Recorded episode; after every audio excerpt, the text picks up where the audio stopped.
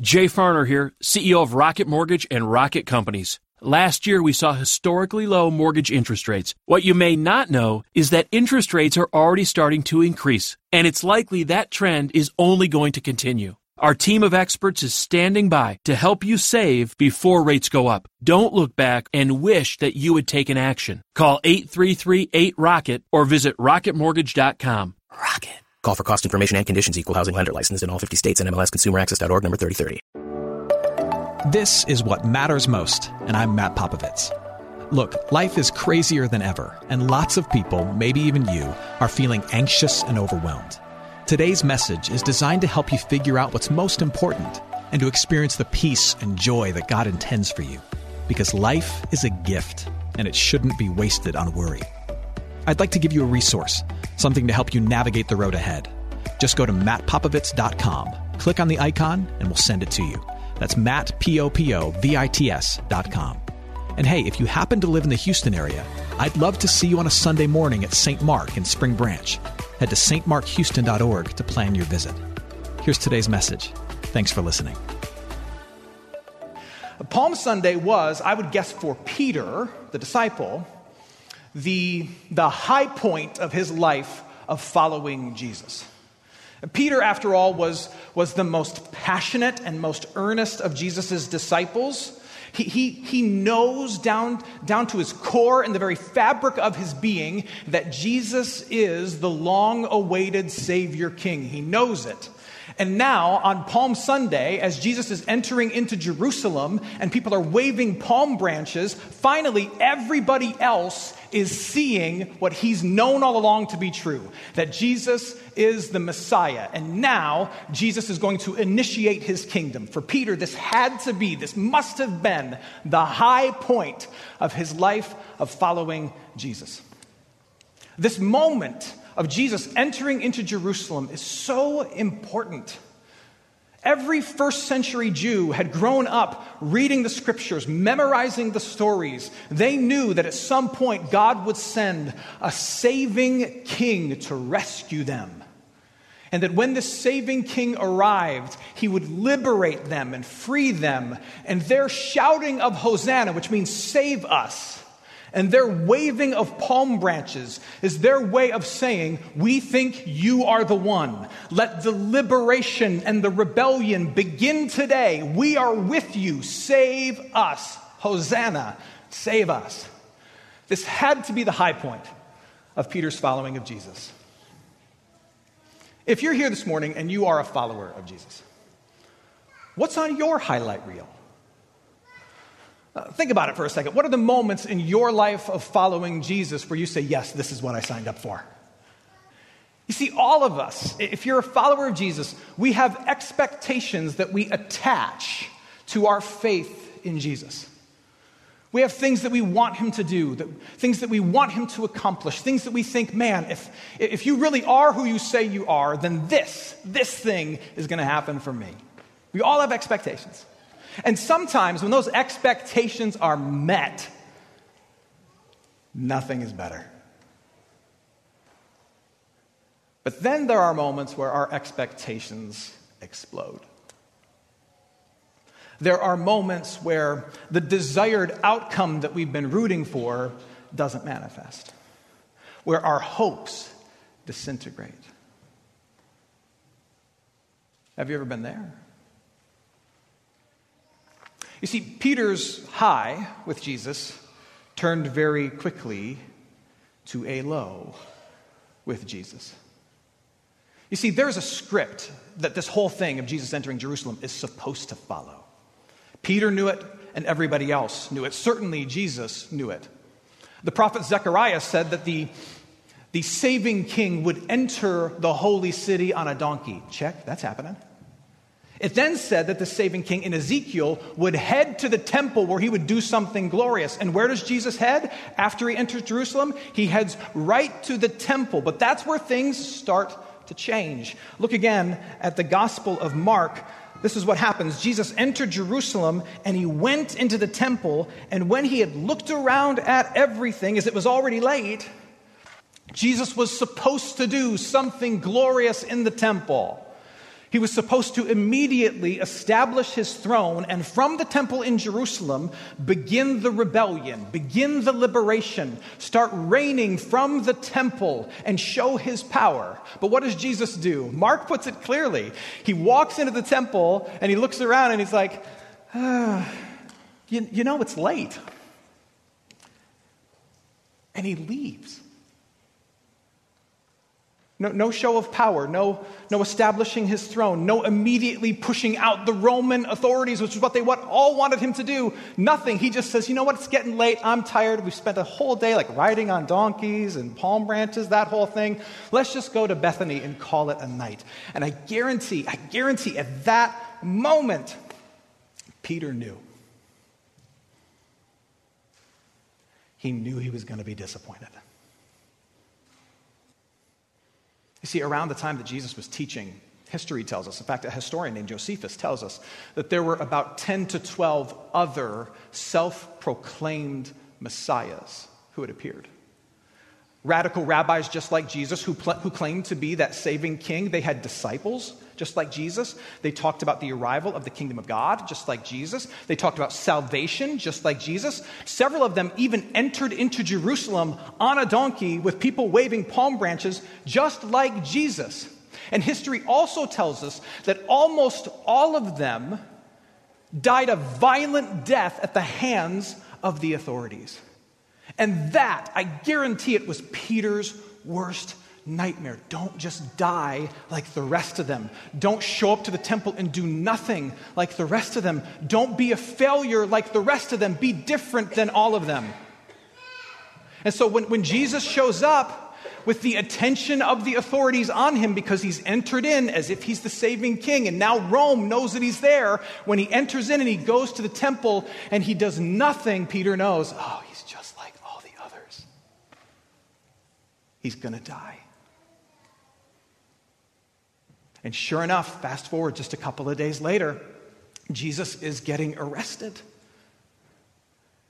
And Mark chapter 14 tells us this when they saw Jesus getting arrested, they all left him, they being his disciples, including Peter. They all left him and they fled. And then later, when Jesus is in custody facing trial, Peter is confronted about his association with Jesus. And listen to what he says. He says, I, I don't know this man. I don't know this man. Jesus seems to be failing, and so they all flee, and Peter denies. And, and, let's be very, very honest about ourselves. When Jesus seems to be failing us, when we go from the highs to the lows, when we go from the highlight reel to the things we don't want to talk about, the disappointments, the unmet expectations, our faith starts to get real flimsy too. It gets easy for us to feel like we want to flee. It gets easy for us to imagine denying because we say, This is not what I signed up for. Just like Peter, our faith gets real flimsy. When it seems as though Jesus is failing us or disappointing us, our faith feels as though it's going through our hands. It's falling between our fingers. It is falling apart. And I know that if you and I were to spend some time together, we could trade stories about moments where it's felt like that. For me and for you. Maybe for you, it was the moment where your spouse said, I don't want to do this anymore.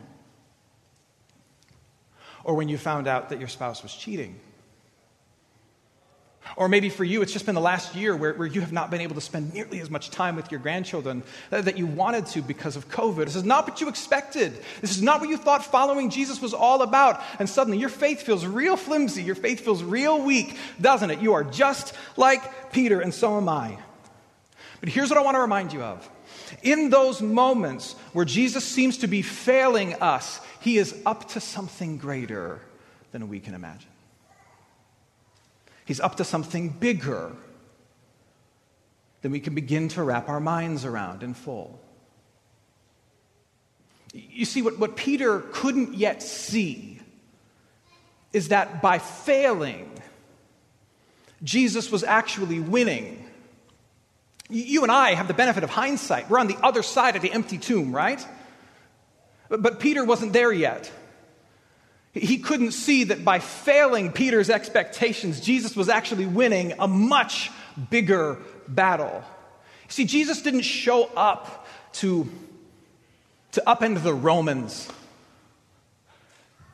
He, he showed up to liberate humanity from sin and death. That's what he came to fight. And that's why he was, he was crucified on a cross for your sin. That's why he, he rose out of your grave. He has liberated you from those things. He has hosannaed you. He has saved you from sin and death. It has no claim over you anymore. And what he came to rule and reign through is not is not a building made with bricks. What he came to rule and reign through is his resurrected and ascended flesh and blood. What he came to reign through is his community of believers called the church. And he is reigning and ruling right now above us and through us. He has kept every promise. That's what Jesus Christ has accomplished. That's what he's been up to that Peter couldn't see. Not to mention, in the process of failing Peter, Jesus was doing a work in and through Peter. Do you know what he was doing to Peter?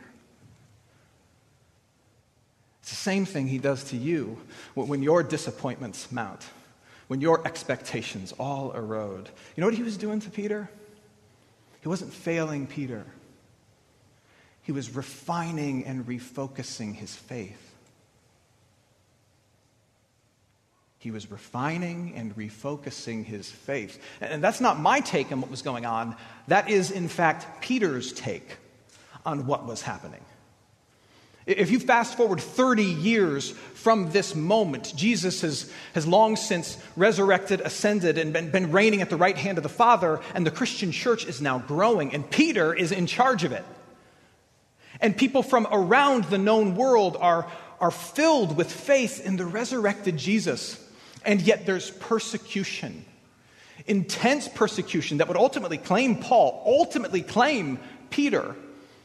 New believers are being killed for what it is that they believe about the resurrected Jesus Christ. And, and so Peter, Peter writes to them. Talk about disappointment and disillusionment. I didn't sign up to die for following Jesus. And so Peter writes a letter to them. And as I read his words to you, I want you to be mindful of the fact that it's not just a pastor talking to his people, it's a man speaking from personal experience about things not going the way you expected, but having to trust that God is up to something greater. Listen to what he says. 1 Peter chapter 3, starting at verse 3. God has caused us to be born again to a living hope, a hope that cannot be shaken or taken from us through the resurrection of Jesus Christ from the dead. In this, the resurrected Jesus Christ, you rejoice. You don't rejoice in your circumstances. You don't rejoice in, in the outcome of all your expectations. You rejoice in the fact that Christ is resurrected. Though now, for a little while, if necessary, you have been grieved by various trials. Peter knew what it was like to be grieved by various trials. To what end? So that the tested genuineness of your faith, more precious than gold that perishes, though it too is tested by fire the genuineness of your faith may be found to result in praise and glory and honor at the revelation of Jesus Christ. Hey, friends, it's Matt. If you're listening to us in Houston and you're looking for an excellent education in a Christian setting for your student, I'm inviting you to take a tour of St. Mark Lutheran School in Spring Branch. We serve infants through eighth grade with an excellent faculty, brand new facilities, and a faith forward curriculum. To schedule your tour, head to gostmark.org. That's G O S T M A R K dot org to schedule your tour today. St. Mark Lutheran School. It's excellent education for your son, your daughter, your little one. Now, back to today's message. In the resurrection of Jesus Christ, God the Father has given you something in which to place your hope that can't be shaken and it cannot be taken from you. And in your struggles and in your disappointments, he is refining that faith and refocusing that faith so that it is focused on and anchored in one thing and one thing alone Jesus Christ. Crucified for you, resurrected for you. God is not failing me. He is refining me and refocusing me. Let me say that again. God is not failing me. He is refining me and refocusing me. I think that's so important that we should say it together. Say it with me.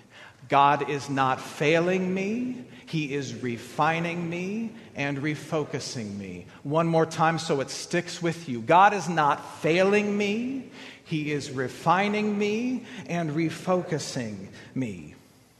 That's what God is up to. When your expectations don't pan out, I get it. It feels like your faith is dying. And maybe that's because that's exactly what is happening. But it's not your faith in Christ that's dying, it's your faith in the outcome that you had held above Him. It's your faith in your circumstances. It's your faith in your expectations that your life would look a certain way, or, or, or, that you would have a certain amount of success, or that you would avoid a certain level of pain. God is happy to let your expectations die. He is happy to let your faith in certain outcomes die so that your faith in a certain someone would increase. Very often, our faith is more in a certain outcome than that certain someone, and God is happy to let your faith in secondary things pass away. And in your disappointments and in your outcomes that don't manifest, what do you think God is doing? He is refining your faith so it's not in that thing, but it is in, it, is in His Son. He is refocusing your faith so it is not in your expectations, but it is in the resurrected Jesus Christ alone. This is why it's so important to have people in your life who know Jesus and who know you. It's important to have people in your life who, when your expectations and the outcomes that you had planned fail you, they can look at you and they can say, Look, your faith, my faith, is not in any outcome. It is in the resurrected Jesus Christ. And He is still risen. He's still accomplished everything He's promised. He still will follow through on everything He's promised to. You're fine. I'm fine. We're going to be okay. That's what happened to Peter. A few days after Jesus had risen from the dead, his buddies took him fishing. His buddies took him fishing, and, and, and, Peter was still beside himself with the fact that he had denied Jesus, the fact that he had turned his back on the one that he had so fervently followed. His buddies took him fishing, and undoubtedly they were talking about what Jesus had accomplished, and they were processing it and talking about seeing him risen from the dead. And I would imagine that Peter was still inconsolable, thinking, Yeah, but you didn't do what I did. They take him fishing, and who appears to him? The resurrected Jesus appears to him. The resurrected Jesus appears to Peter and he gives to Peter the very grace that he had won for Peter and for you and for me and for the whole world. He gives it to Peter and he restores him. And he lets Peter, standing in that grace, gaze upon the resurrected Lord. And he anchors Peter's faith not in any outcome. He anchors Peter's reality not in the mistakes of the past, but in the resurrected, grace filled Jesus Christ. And that man then became the head of the church. That man. Who's going to take you fishing? You need faith filled friends. You need people who will point you back to the resurrected Jesus. Who do you need to take on a trip so you can point them back to the resurrected Jesus? It's also why you, you need to be in church, like here physically. Like, I know I'm biased. I know I got skin in that game. I get it. But I believe this If you're watching online, I'm so thankful that we can offer this to you. Uh, but for some of you who are watching online, you could be here. And I say that not to put any guilt on you whatsoever. But if you can be here, you need to be here. You need to be here each week so you can bring your empty hands and your empty heart. You can bring your shattered expectations, and you can, surrounded by other people who know the Lord, surrounded by other people, you can lift them up to the Father. And He can tell you that Jesus Christ is still resurrected for you. I want you to be here with us next week on Easter. And I want you to think about all the disappointments of the year that's gone by. Do you have disappointments in the year that's gone by? I do. Do you have expectations that didn't manifest in the year that's gone by? I do. Do you, have, do you have a pile of regrets a mile high? I do. I want you to bring those things with you into this place. I want you to drag them with you and your pretty clothes on Easter. Bring all that stuff with you here and throw them at the feet of the resurrected Jesus. And then watch as he trades your sorrow for dancing. And join with us as, as we sing in flesh and blood about a Savior who's risen with flesh and blood. And we join with billions of other people, including Peter as we say, I thought you were failing me. But you were just refining me and refocusing me on this a resurrected king.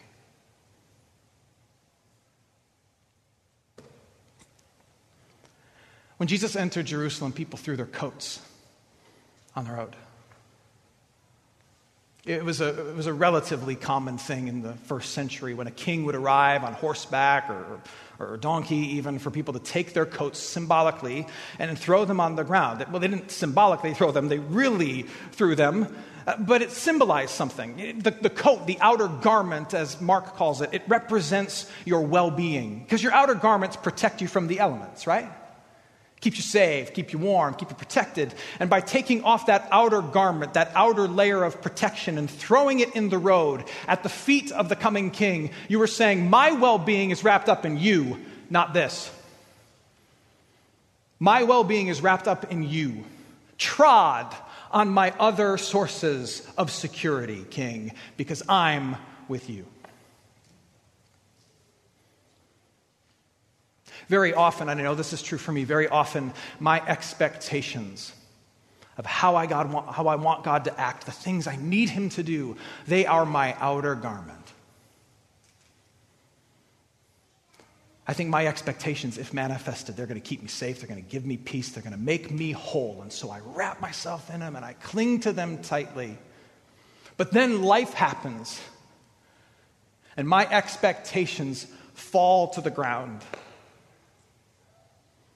And at that moment, I have a choice.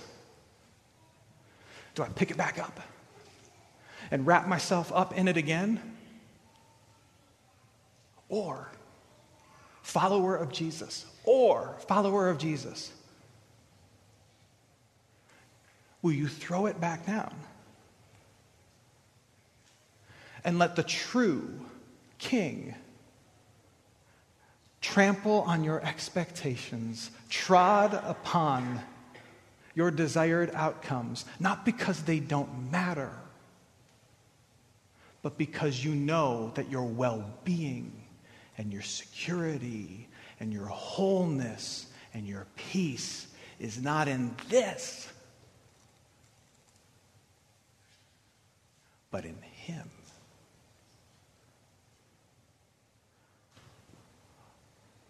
Lord, I lay my expectations at your feet.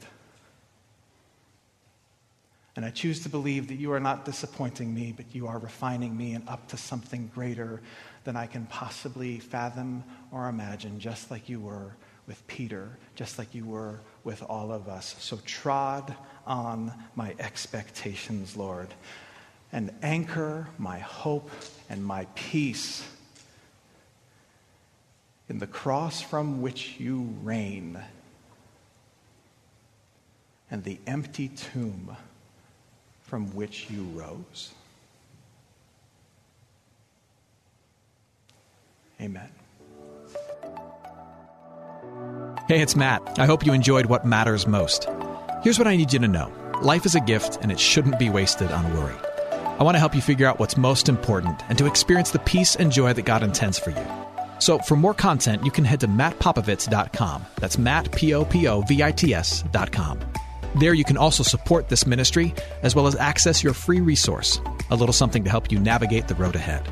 I'd also love to see you on a Sunday morning. If you're in the Houston area, head to stmarkhouston.org to plan your visit.